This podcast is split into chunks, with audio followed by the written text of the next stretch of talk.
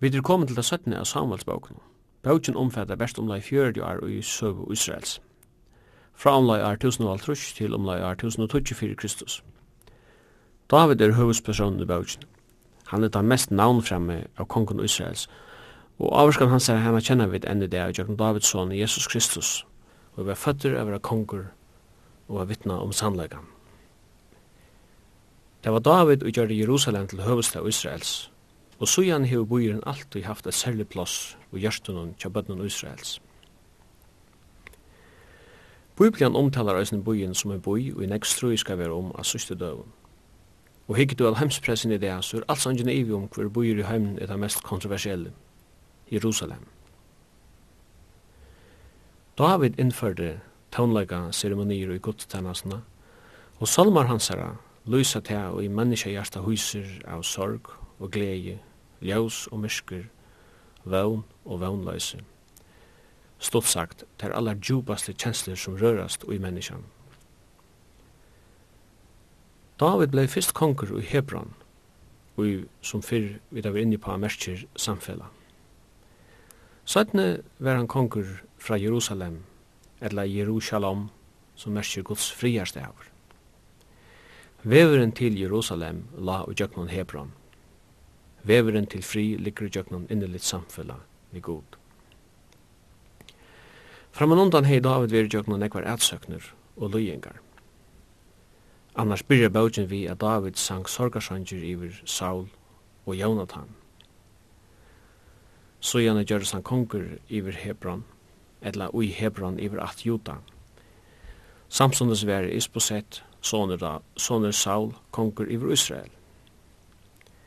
Men vi leser at hos Sauls til viknei, og David styrstnei. Og etter deia Isbosets var David konger i ödlen Israel, og han tog Jerusalem fra Jebusitton, og han gjør det bojen til høvestet. Søttene flyter David ørskina, Sattumala Ørsk Guds til Jerusalem. David dansa i at han er ørskina da han var flott. Han sa at han andalega tøtningin av ørskina, sottmalen fra tog avkjønnelige og evige og allvaldande, og i han hei gjørst vi sitt folk. Suttjaren, profeteren Nathan, let David vita, er soner hans herra, Salomon, skulle bytja tempel herrans i Jerusalem. Vi suttja nærum best sikrar ui Louis Davids. Største fudgjenden er alloftast innan Louis og David fall og synd mitt i alla framgångne, og hetta fekk avlægingar og hetta førte tapvisar. Frasøknen om David og Batsubbe er kjent, men da hon vil lysen er alltid verst å lese Salma 1, her David vende seg til Herren og søker samfunnet og fyrirgjøving fra god Israels. Større menn gjør større feiler, hever onker sagt, og svører kommer fylgja huset Davids.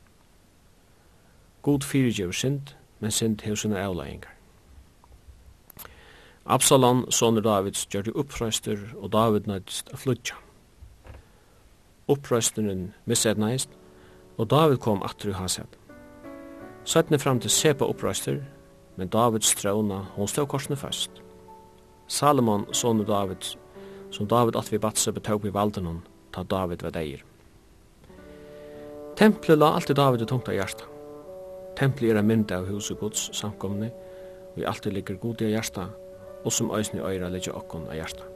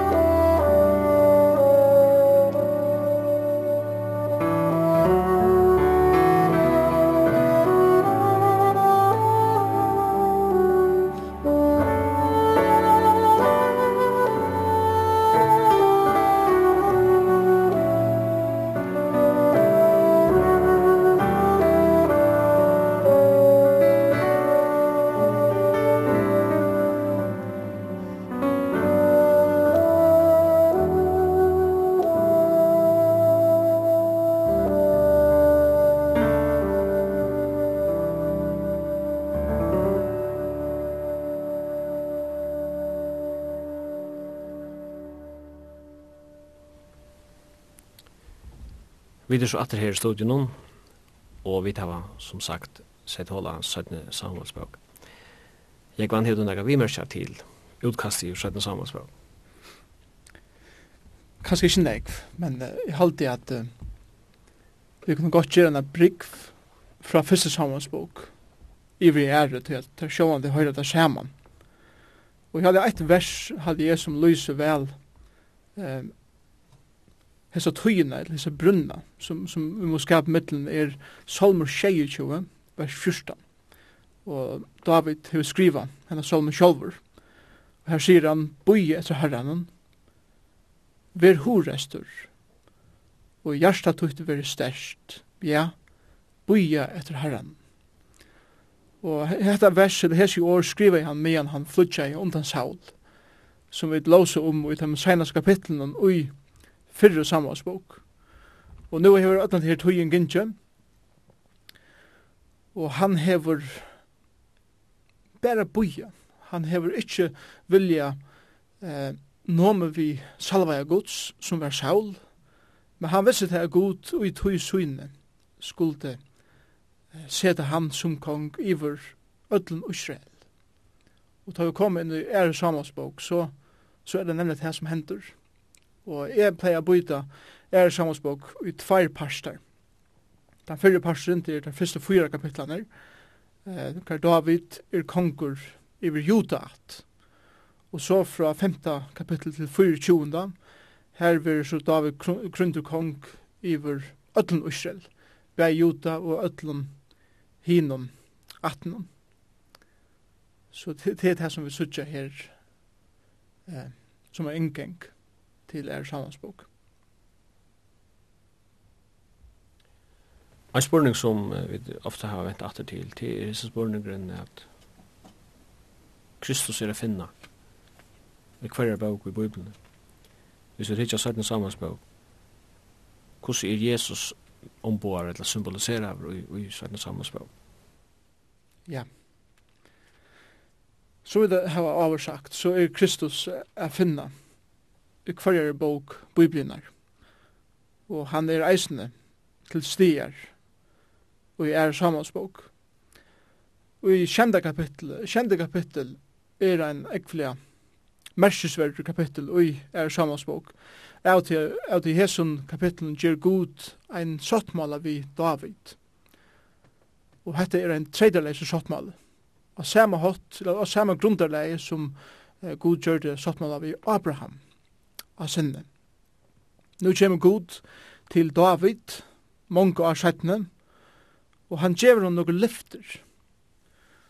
Og han sier til dømes vi David, Jøgnen Nathan, profeten, um, og i nukkjenda verset, Jeg var vidt her, alle sann er her som du først, og tundi alle futsjende tøyna fire her. Jeg skal lete det vinna størst navn, så størst som det største av hjørne i hevet. Jeg har gjort folk som munnen Israel bostad til. Ettelna vers. Jeg har lært deg finne fri for i øtlen fortjenden søgnen. Talta vers. Skal jeg eller hvis du leser fra byrjan halta vers. Ta det til tøyte fullt, og til kviler seg fjerntøyen, ta skal jeg reise opp såntøyen, som skal genge ut fra tær og jeg skal grundfesta kongadømme hans herre. 13. vers. Og jeg skal i allar æver grundfesta kongadømi hans herre. Og så i 16. verset. Og i allar ever skal hus og kongadømi tøyt standa fast fyrir asja møyne. Til ævja tøyer skal hasa det tøyt vera grundfest. Nå ta i uh, god djever David etter her lyfte. Så tar han sjåan først og fremst om um kongen som kommer attan av han, som søvelig av er Salomon, og så gjerne atler hinner konganer, er at konga døm jo Israel skulle være av at Davids, som er at Juda.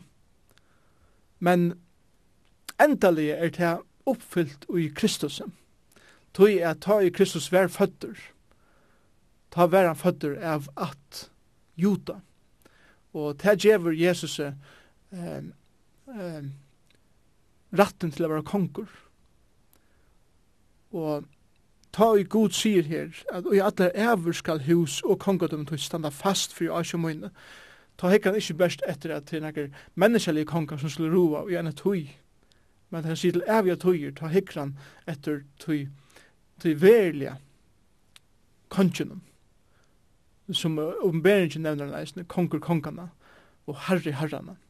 Og det er Jesus Kristus som skal til evige tøyer roa som konkur og hessi gjør. Så her sykja vi nokre lyften givet til David som skulle oppfyllast og i Kristus i sjálfum.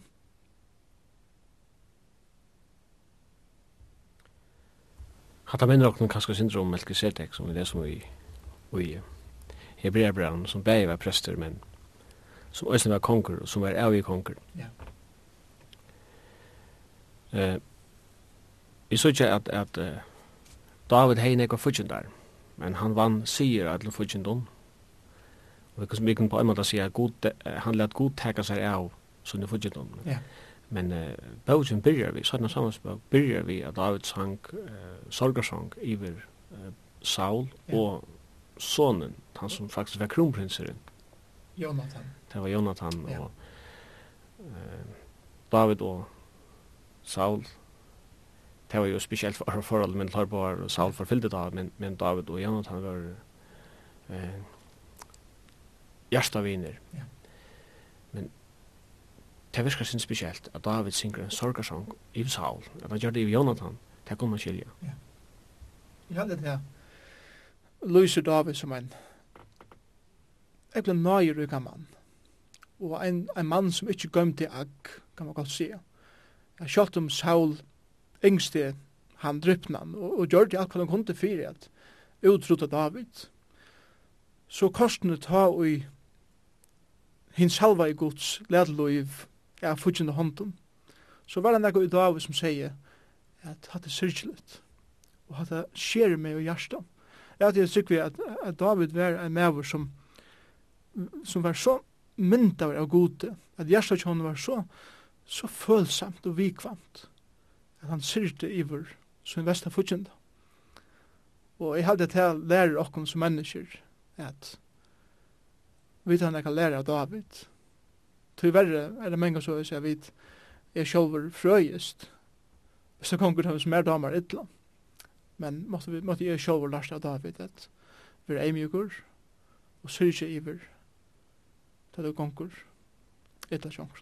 Hvis man leser salmen, och läser hur så David beskriver Saul. Ja. Alltså hur han ser han så så ser man tydligt här ungar här ungar kavala och det är inte ett komediespel. Det är rent och äkta. Och i fyrset med att David är en person som är teacher är så det synd i Saul. Ja.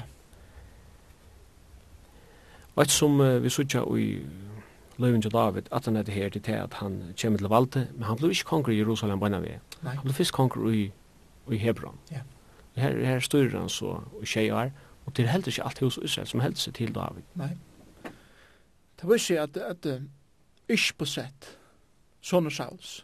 Han, han var krundur konger iver, iver 2018. Men David, han er egentlig viser. Han, han, han løyper ikke frem at her langt, nu tar jeg Saul i deg, men han, han bøyer etter herren. Og Jeg så ikke fem sti faktisk, og i de første fem kapitlene som, som David teker, til han gjers konkur iver ötlen Israel. Og det første stige som, som er søtje er til at han søtjer andalega velaing fra god. Og til, til her søtjer vi David som en veldig en leier, en, en, en veldig gods ötlen leier, søtjer god fyrst, og han søtjer vustan fra noen øren. Og det søtjer vi i øren kapitlet. Eh, og i første verset sier David, så gjerne spurte David herran skal jeg fære til onkran boi og juta? Herren sværa i Gjerso. Da spurte David, hver skal jeg fære? Og han sværa i til Hebron. Så det er ikke at David helt at jeg skal jeg fære til Hebron. Og her skal nok finne mer eh, folk som vil fylse mer. Men han spurte herren, herre skal jeg fære? Og da herren sier ja, så spurte han, hver skal jeg fære? Og han vurste den beinleis til Hebron. Så, så herren er vi fra byrjan av. Men han teker eisen noen praktisk stig. Så at vi leser her at ta judamenn kom her, ta salva, ta salva David til kong iver huset juda. Så, så han spurte god, og så gjør han eisene nega praktiskt, som var politiskt, til det at hese mennene som, som våre her, i Hebron, salva han. Og vi, vi tog så det der at to er konger okkara. Og, og i det samme eh, venden så det der at ikke på sett, vilja vi ikkje fylgja. Så han teker andalig sti, han teker politisk sti eisne, men han teker eisne eit, jeg vet ikke om man kan kalla det, psykologisk sti, eller okkursåret, tui at uh, vi lesa fra fjóra verset, at hetta var mennene i Japes i Gilead, og teir var vi to som åren, at det er som gjer av oss det var beste viner Sauls, Ta sen, leser vi det femte verset. Ta sende David bå til mennene og Jabes, og la sier vi her, Sikna er veri tid av herranon, fyrir tid heva gjørst hetta kærleksversk vi måder herra tikkara Saul, at det gjerra av ham. Herren vurs tikkun nu eh, miskun og trofeste, og eisni jeg skal gjera vel vi tikkun at det fyrir tid gjør du hetta. Så sier han, det er ikke noe mot tikkun, og let det suttjast at tid er raske menn, kvui, tog vurs er herre tikkara Saul deir, men hos skjuta hos eisen salva med til kong eh, i vi se.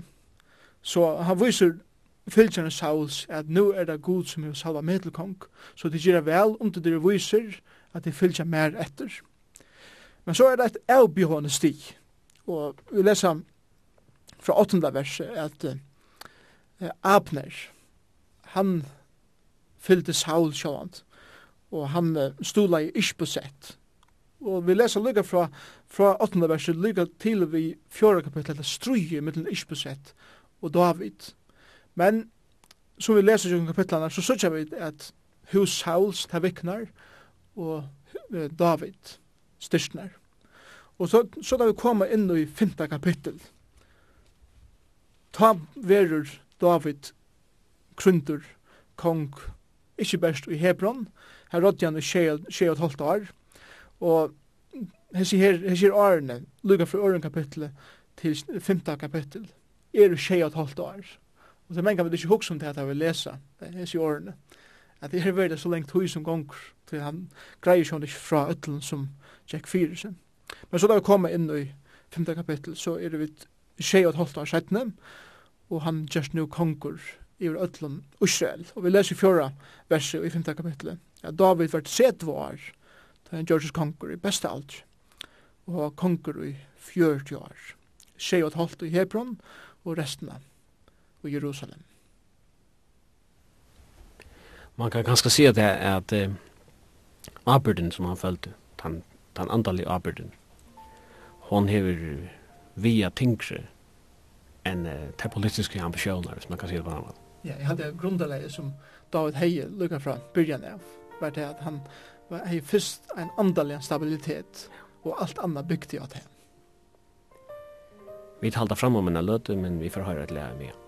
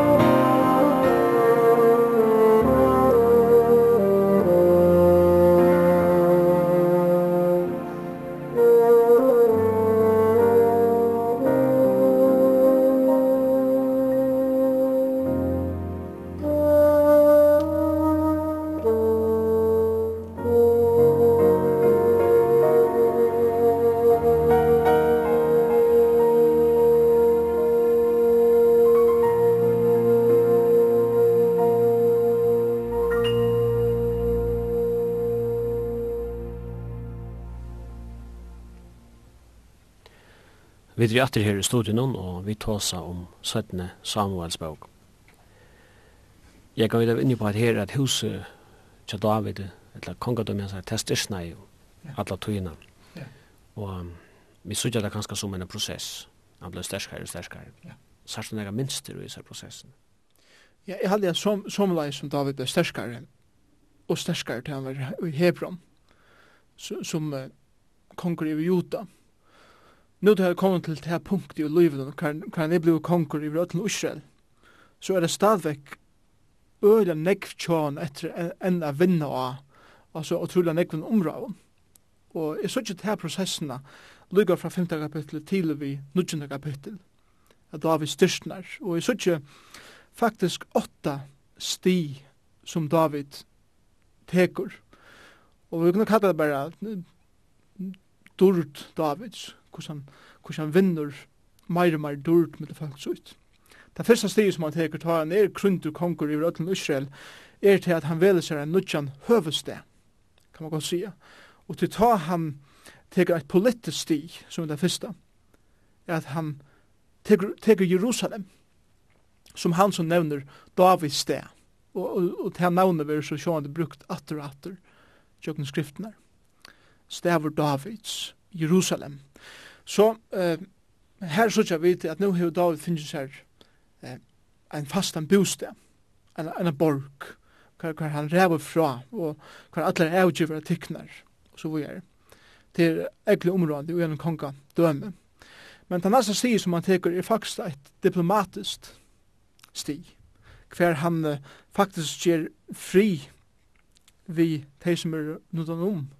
Og her leser vi om Hiram, i 5. kapitlet, vers 11. Hiram konger i Tyrus sendte menn til David vi Serdesvige, og han sendte træsmi og seinhøkkare som bygde David et hus.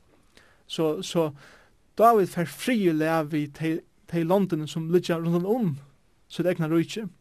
Så han er ikke best her en, en høvested, men han, han fer seg eisne eh, viner utanifra som gjør landen en, eh, en tryggleik. Det tredje stiget er til at David vekser om familien i seg. Hvis uh, kongehuset skal føres vujere, så må han sikre på at han hever arvingar. Og ta lesa vi det om fra 13. ørden, at David hoksar enn flere tjakoner og koner i Jerusalem, etter han var kommet ur Hebron. Og han fikk flere syner og døder, og så nevner, så nevner han nøvnene av dem. Så her styrsna han familjen, men han styrsna er eisne militærist eh, fra 16 til 21 vers. Her vinner han sier av filisteren. Så ikkje bare sier han skal, skal man vinna eller vi eh, nokre grannar, men han er eisne sikra av grannen og hese fyrverda filisterer. Ta vi koma til satta kapittel, ta brukar skrivaren av er samlagsboken heile kapittel at hosa om et religiøst sti som David nu teker. Ikkje best her han tidsja politist, eit diplomatist, eit familjesti, et militærist, men et religiøst, og til det til at han nu teker han ørskjene. Og vi da tar seg nek om ørskjene. Og da vi tås om ørskjene seinast, da var en tidsin til, til Filista, til Filistia land. Men Filistarer ville seg beævja natt, og han var så ført Ikke til Jerusalem, men til et annet sted. Men nå vil David føre henne, sjå han det her som eh, kongren her til høvesen, til, til Jerusalem. Og det her det som satte kapittel handler om. Ørsten hon hei jo et låg som kallas for Nae Tronan, det ligger nek ut i en trona. Det er jo nek vi har konga hasa det gjerra. Så Ørsten har det heim her som, her som kongren er. Akkurat, ja. Og, og kanskje meir, jeg tror kanskje meir for David personlig, ja at han ville høyre heime her som han tronan av ørskene vær. Her som trona Guds vær ville han være. Og, og så til det religiøs sti som han teker. Han teker ikke en geografisk sti. Og til i åttende kapitlet, hver han, hver han vinner seg med i, i Syrlandet, og gjør sterskare og sterskare geografisk. Han vekser om landet kjøser. Og det seneste stiet, fyrir verlig a vinna seg dord, og her sørger vi atter ta nøyeruka David. Og han spyr i nutjena kapitlet, kvann eller kvarjen av husets hals, er nekkar etter av husets hals, som jeg kan vysa nøye mennesken. Og han som han spyr, sier jeg til er ein, men han er nok ikke nekar sia. Han er det med fibesett, og han er lamen og orangen og i nødgjende kapitlet her, er nesten som han sier, men, men han blir ikke hukse om at han er ikke verter. Men David sier, før han til møyden. Og søvann eh, om med fibersett, hvordan David visste med fibersett, nage, er en søva som vi, som mange, mange kjenner. Hon er ganske egentlig symbolsk. Hon er egentlig symbolsk, ja. Ganske mindre om, om nage Kristus her. Ja. Med fibersett, han var av at Sauls, som var fudgjende Davids, og David kunde godt just av vi med Fibuset, han er rett til det. Men selv om han var læmen, selv om han var av fudgjende at, så valde David å elske han. Og ikke bare at han elskar han, men han sette han til, til sitt egna bor, at njóta det samme med som kongren eh, og at det er. Og det symboliske i tøy er atter for jeg komme til Kristus, som ikke nevnte i Johanne, at her sørger vi denne underfotla mynd av nøye Kristus her. Han er vust nøye eisne mot menneskjen Vi, er, vi som mennesker er fortjener gods. tog jeg sint kom i middelen okken og god, og tog er vi etskilt fra gode. Og god hever fotla rett til å sende okken ødelig fortepelse. Men nøye Guds var så stor at han sendte Jesus Kristus a leita etter mennesken som var fortapt, som var fudgjendar, som var læmen, fullkomne hjelparsleis. Og han sier, bjóð til kun a sida vi mutt bor, så han sier, bjóðutikon, et evet liv, om til tryggva av meg. Og til det som vi innskjer for fram i Jesus hendelsen eisne, er at Kristus, han innskjer Jeg sier vi til hva lusher i kvöld at han elskar det. Luka mykje hver du erst, luka mykje hver du erst, luka mykje hva du sørst ut, eller hva du har gjørst. Så sier han, jeg elsker det, og det er ikke som du erst. Og han stender vi, vi faunen åpnen, og i kvöld, måtte ter, og bjåt her. Nøye, og man er nøye, og man er nøye. At det er vel liv. Tan lamne med fiboset yeah. som var av husets hall som var fudgjende dags og som daglig om at vi bor kongsus, ta minne meg om til å Etta som Jesus sier er rujtje himmelrujtjes er lukt. Eller at det lukt kongen som gjør brittlepp sånne syns og sende tæner sinne ut at sya vi hinne badene kom til alt til røyar, men te badene lødde ikke nek ut eh, så sende han tæner sinne er fyrir ut og betta fyrir ut og bjør ødlån her mittlen lemmen og krypel ja. så jeg sier brittleppshuset kan være fullt. Og Bibelen tossar eisen om vi bor heima til gode. Ja. Uh, vi leser her om at allt det gikk ikke vel til David her. Vi leser ikke noe tep, altså ikke noe nye løy i løyven, så, så far. Nei, det men, men uh, ta vi styrkjen være på det mesta, og ta, ta suksessen være størst. Ja. Uh, ta hendene jeg som som er, man kan säga kastar en skugga i Löve till David. Helt säkert så det hände något som kom eisen att ha alltså filter för resten av hans liv. Det som han gjorde. Og fra 12. kapitlet byrja David å komme i trobeleikar. Akkurat hva det var som hendte i så togene personlig som David, det vet jeg vet ikke beinleis. Men uh, fra 12. kapitlet og ut etter, skal, skal være krutsk, og til vi amerittar. Og til vi kommer ut i 11. kapittel, så leser vi et nega ekle verst, tja Davide. Her leser vi ut i fyrsta vers i Ari etter, om til at tøyene og i kongar pleia fer i herna. Så det virker nesten her at det var avis og tøyra av Arne hver der, hver der bartust. Da sendte David Joab av sted, vi månne søgnen og øtlen Israel, og tar herja av land eh, Ammonitta og kringsette Rabba. Men så leser vi det her om David. Men David var verande i Jerusalem. Nå, en konger åtti at leie herren. Høves oppgaven til David som konger var til at han rei fremst. Ta det for krutsk. Men akkurst, akkurst kom inn, og skrivaren her sier at David var verand. Som vil si det samme som at nu knappe hever David fullt av tøy, spilt tøy kan man godt sija. Kan han ikke visste kanskje han skulle bruke tøyina til, kan man godt sija. Og så leser vi det i ørenverset. Så var det et ta, ta resten David seg av lev. Så ur sångsen, til nesten virka så, han, han bare litt sångsen og, og, og ikke gjørst. Sångsen slappet av, simpelthen. Og sjån er ikke gære å slappe av, men kanskje meir enn det, han er li her, ikke, ikke videre seg ra, kanskje gjøre. Og han var geng ved tætjen av kongsøtlene. Og så leser vi, han kom ta a suttja kvinna, og i bia i sær. Og kvinna var ekvelia vøker.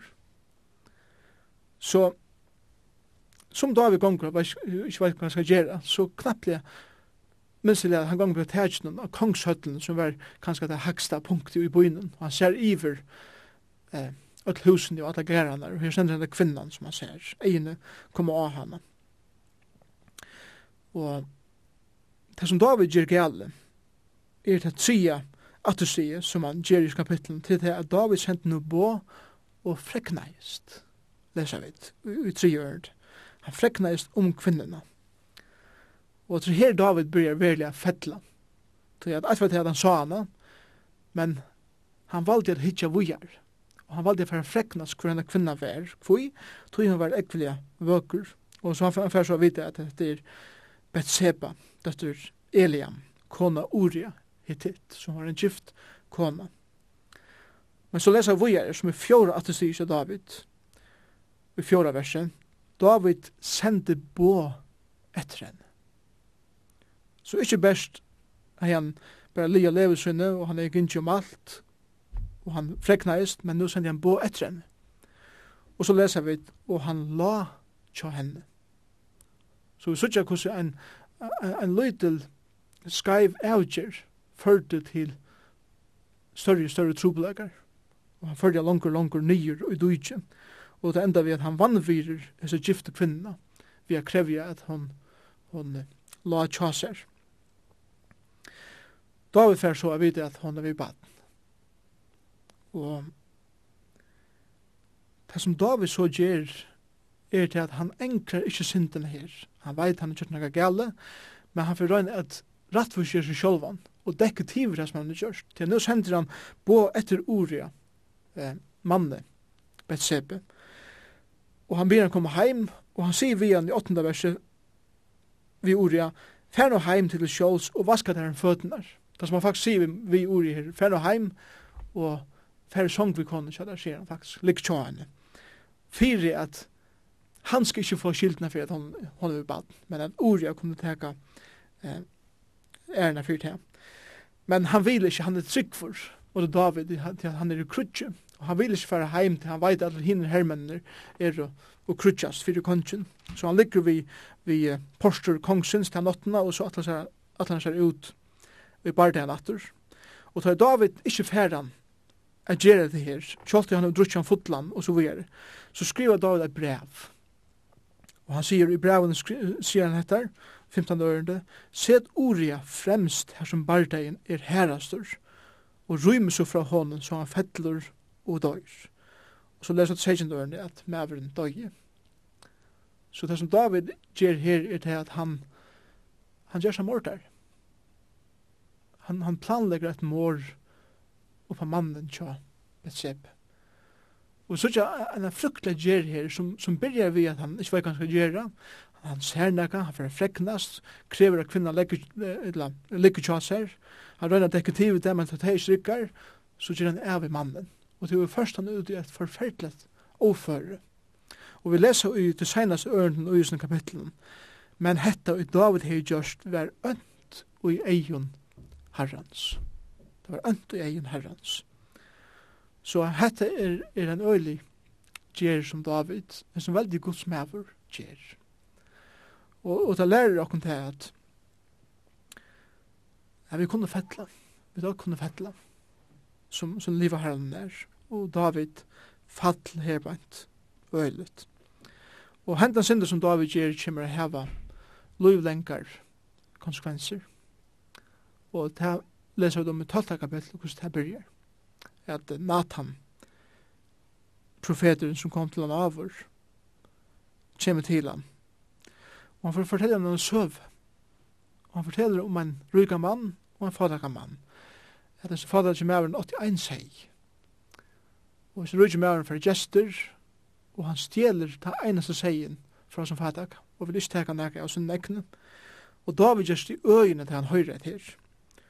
Og vi leser femte ørende, ta var David så spinna til ytler inne henne mann, og han sier at han så satt som Herren lever, Tan mever i hetta gjørte, han skal lade loiv, og lampe skal han bøta fyrfalt atter fire, til han bærer seg at vi tog at han ikke vuste miskunn. Og ta er det Nathan trakkar til og sier ved David, tu erst maveren.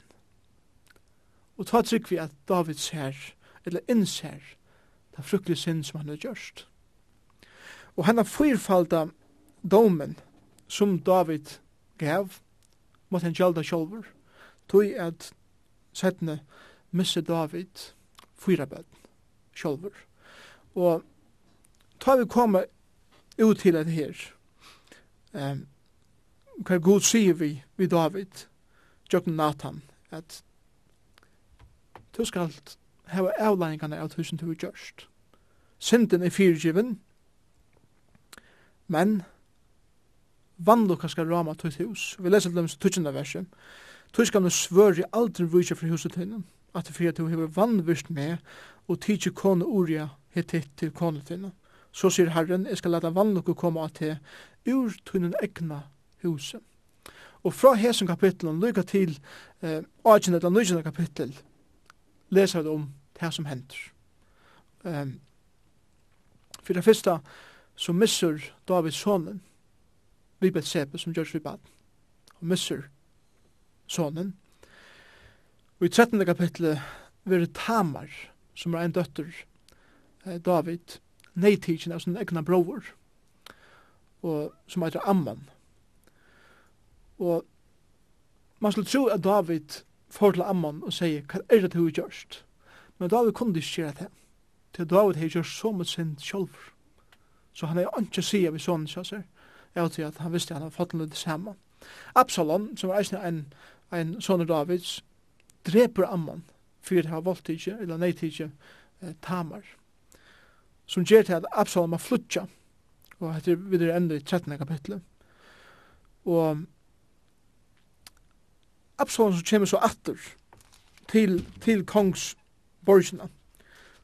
David vursun miskun, men vi leser i fyrirkjund øren, det med kongren sier, let han til David, nei, til er Absalom, færa heim til sin sjåls, fyrir ei munit kommer han ikkje. Absalom får så heim til sin sjåls, og kom ikkje fyrir ei kongsens. Så sambandet mellom Absalom og David er eisne færre i knus. der var ikke langt og syna mittlen. Så igjen for Absalom er oppreistur mot David, og David må atur flutje i Jerusalem. Så nu får han vandra av samme hatt som han gjør det til han vandra i, eller flytja i undan Saul. Men hese er det hans egne soner som han flytja i undan. Og det enda vi at David missur Absalom, sin egna son. Og han syrger han, ekla nekv. Så det som syrger så syrger du i sin her er en nekka skreiver avgjerer som David heker, før han ut i en forferdelig offer god tiktar han som sitt barn. Og han kommer at føla til her, tatten er sær, resten av sin løyve, selv om han var fyrtjøven, fyrir han sind som han er gjørst. Vi kan si selv om sind var 24, så hever han korsen avløyingar. Ja. Jeg har også med til at Uri, han var jo, han var ikke gjød, han var jo nevnt til titter. Ja. Og vi nevnte i fyrir noen vikker siden, da var vi inne på Lotsbauk, Rottveig er fremmand, men var bittisk. Og Uria hever eisen vi er en fremmand, og hvordan han er kommet inn i her og Israels, det vet vi jo ikke, men Nei. vi vet at det var ikke avvandet at, at uh, folk anså rått leide seg vernd under vangen av god til Israels, ja. proselytter eller ja. de konverterer i. Og um, han ser ut til å være en, en helt avvanlig lojaler her med over. Helt fantastisk til gussu til endring vid sutja. Dei uria til er ein ein ein ordentlig krimisøva, kan man säga. Ja. Men så sånn nego i sånn her uh, som Guds ord kallar for svik syndaren her. Det er det at at synd eh för spra skillna med det goda människan hon hon hon hon hon eh fratiger och hon dömekrafterna ja. kunna sutja hver situasjon vi dyr i. Uh, nu vet vi at, at da Nathan kom til David og fortalte om gjør, så, så sier David, men jeg skal dødja, og, og det var ikke uh, sinns jeg kjennelig sett nega, og da var badne født, så det var ikke nega måneder fra at David fall. Et annet som jeg også med til det er at uh, hvis vi tenker at de tog ikke bo noen, så er et bo, du må ikke dru hår, og et annet bo er, du må ikke slå i hel. Ja. Og det begynner vi at David drar hår, og fyrir at krekutiver at han hei driv i år så när det såna bröta att på att säga altså du må stå i hel, så ser man ofte at han øyna synden fyrir fjälldiven så tar hon nära synd vissar og det blir nesten som en skruv åt han enda. ja. Inntil till profeten James sier, du er med över og ta sig David i hans synda ja. Och här var ingen undanförsla ingen omskyldningar Nej, og, han han var ju så god så över Herren tidigt när synd borster men avlängarna var her. Han sikkert, ja og ein av trusjone salmer som du nevnte i byrjanen, er han salmeren, hver David trygg vi er fattelig av knøsønne, og han bøna jo be herran om a fyrirkjøver, fyrirkjøver seg det rævlig syndene som han er gjørst. Og nå er det som herren er fyrirgavn, men som du sier at avlæringene er våre her.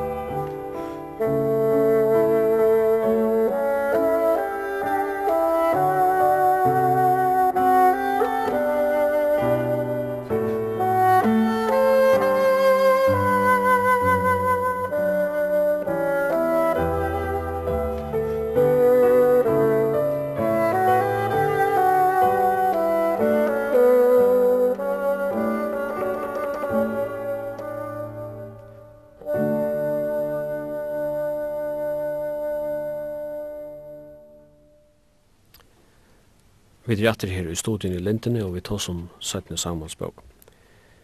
Eh, og i enda noen av 17. Samuels så leser vi til dømme som en hungersnei, vi leser om Sanchin fra David, vi leser om uh, sørste år Davids til sine menn, ja. kappar, og vi leser også om en falkatelling, så her er nok sånn jeg.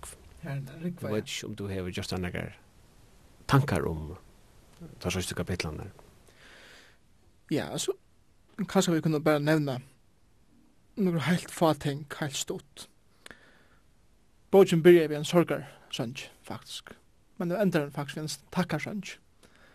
Hver vi til nast seneste, eller tri seneste kapitlen, nu synger David takkar sønj, eller lovsøng til Herren. Og i hele det som David sier i byrjan av hans versen, lyser seg og meddeler vel hans hjärsta.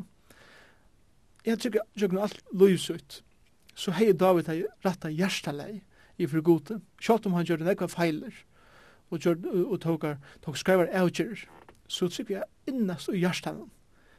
Hei han fullkomle, fullkomle alit, og, og trykva av god. Og han sier her, han sang, sier skrivaren her bænt, så han er ikke bare tåsa det, han, han er sunnkje det, et lea til i sjårene. Herren er kletremunn, borg mun, hjálpar mær mun, god mun, fjall mun, som er sød som er sjåltja, sjølter mun, frelsehod mun, vernd mun, løyvd mun, frelsar mun. Ötla sig åren som han brukar her, eh, lysa det innerliga samfunnet som David heie vi, vi god. Og så sjå han det har vi senast år, Davids, seneste år til en mann er alltid områdant. Og jeg, er jeg men sjår til appen min i gødedøye, minnes hans er seneste år til min. Det er alltid nekka som, nekka som er spesielt, sérstakt, som stender etter. Og somleis hever skrivaren givi okkun seneste år Davids. Og han sier såleis, Så sier David, sånn ui seg. Så sier mævren, ui høgt versetter, hin salva Jakob, Jakobs gods. Og så leser jeg der, og endeslig sankar i Israels. Så David var ikke bare en tonleikar, men eisen en veldig sankar. Og så sier han, andi herrans talar i mer, år hans herra, er at hunko moine, og så var at herren var han som talar i jøkken ham. Jeg skal lese som er avhåverst i de seneste kapitlene er til at David får telja folk. Og jeg vet ikke hva, hva hender her akkurat, men til akkurat som at det er nesten et sort panikk, en, en panikk avgjør, kan man godt sige. Jeg knapplega ser David til at nu er tøyen som er kommet enda. Og jeg vet ikke så sterkere er i lokkersåret, og han får telja folk. Men til er imot vilja gods god hei ikkje bian telja falsk. Og det som det som David gjorde var til at han, han fest festi egini av tøl og av menn eller av folk og av ting faktisk. Og god straffar han fyrir det. Og vi er eine plave dodja halvfjerst tusen manns. Bare det er for menn. Og det er som om Gud sier David, David, tøl har han ikke sier. Du skal ikke henge deg i tøl. Her er bare eget en vent mot det mer. Og det som det lærer meg, at det senest her, er til at men kan jeg gjøre så opptidgen vi til jøreska. Hvordan nekka hæsen her vi, eller hvordan nekka av hinon her vi, for jeg kunne gjøre hattar eller hattar. Så vi har egen vent opp etter Kristus. Så skal han syrja for ødlom tog. Og til, til et som jeg lærer fra, fra hessen kapitlen. Men annars det som jeg kan sige eh, om er samvansbog er, er til at vi har her en mann som elskar herran, David, en mann som er elskar av herran, en mann som ikke så innerlig er brukter av gode, og en mann som er brukter av gode. Vi har en mann som alls ikke var perfektur, han fall mengan, men tjubast og hjertet hans herre vær ein sannur kærleik, ein sannur eimjukleik. Og det var det som gjør David til den mannen som han vær, en, en mann gods. Og han var ikke for stolt til å si, jeg har synda. Nemlig. Og mitt landet tog var han også med et gods hjerte. Ja. ja. Jeg halte vi færre at sier takk for i kveld og Jeg kan derfor si takk, takk at hjertelig for at du ville komme etter i kveld. Ja, takk for det som leis. Og at enda skal jeg også si at det er at henda sendingen hover endersendt den 3. januar klokka 9. Og en av for en takk for det.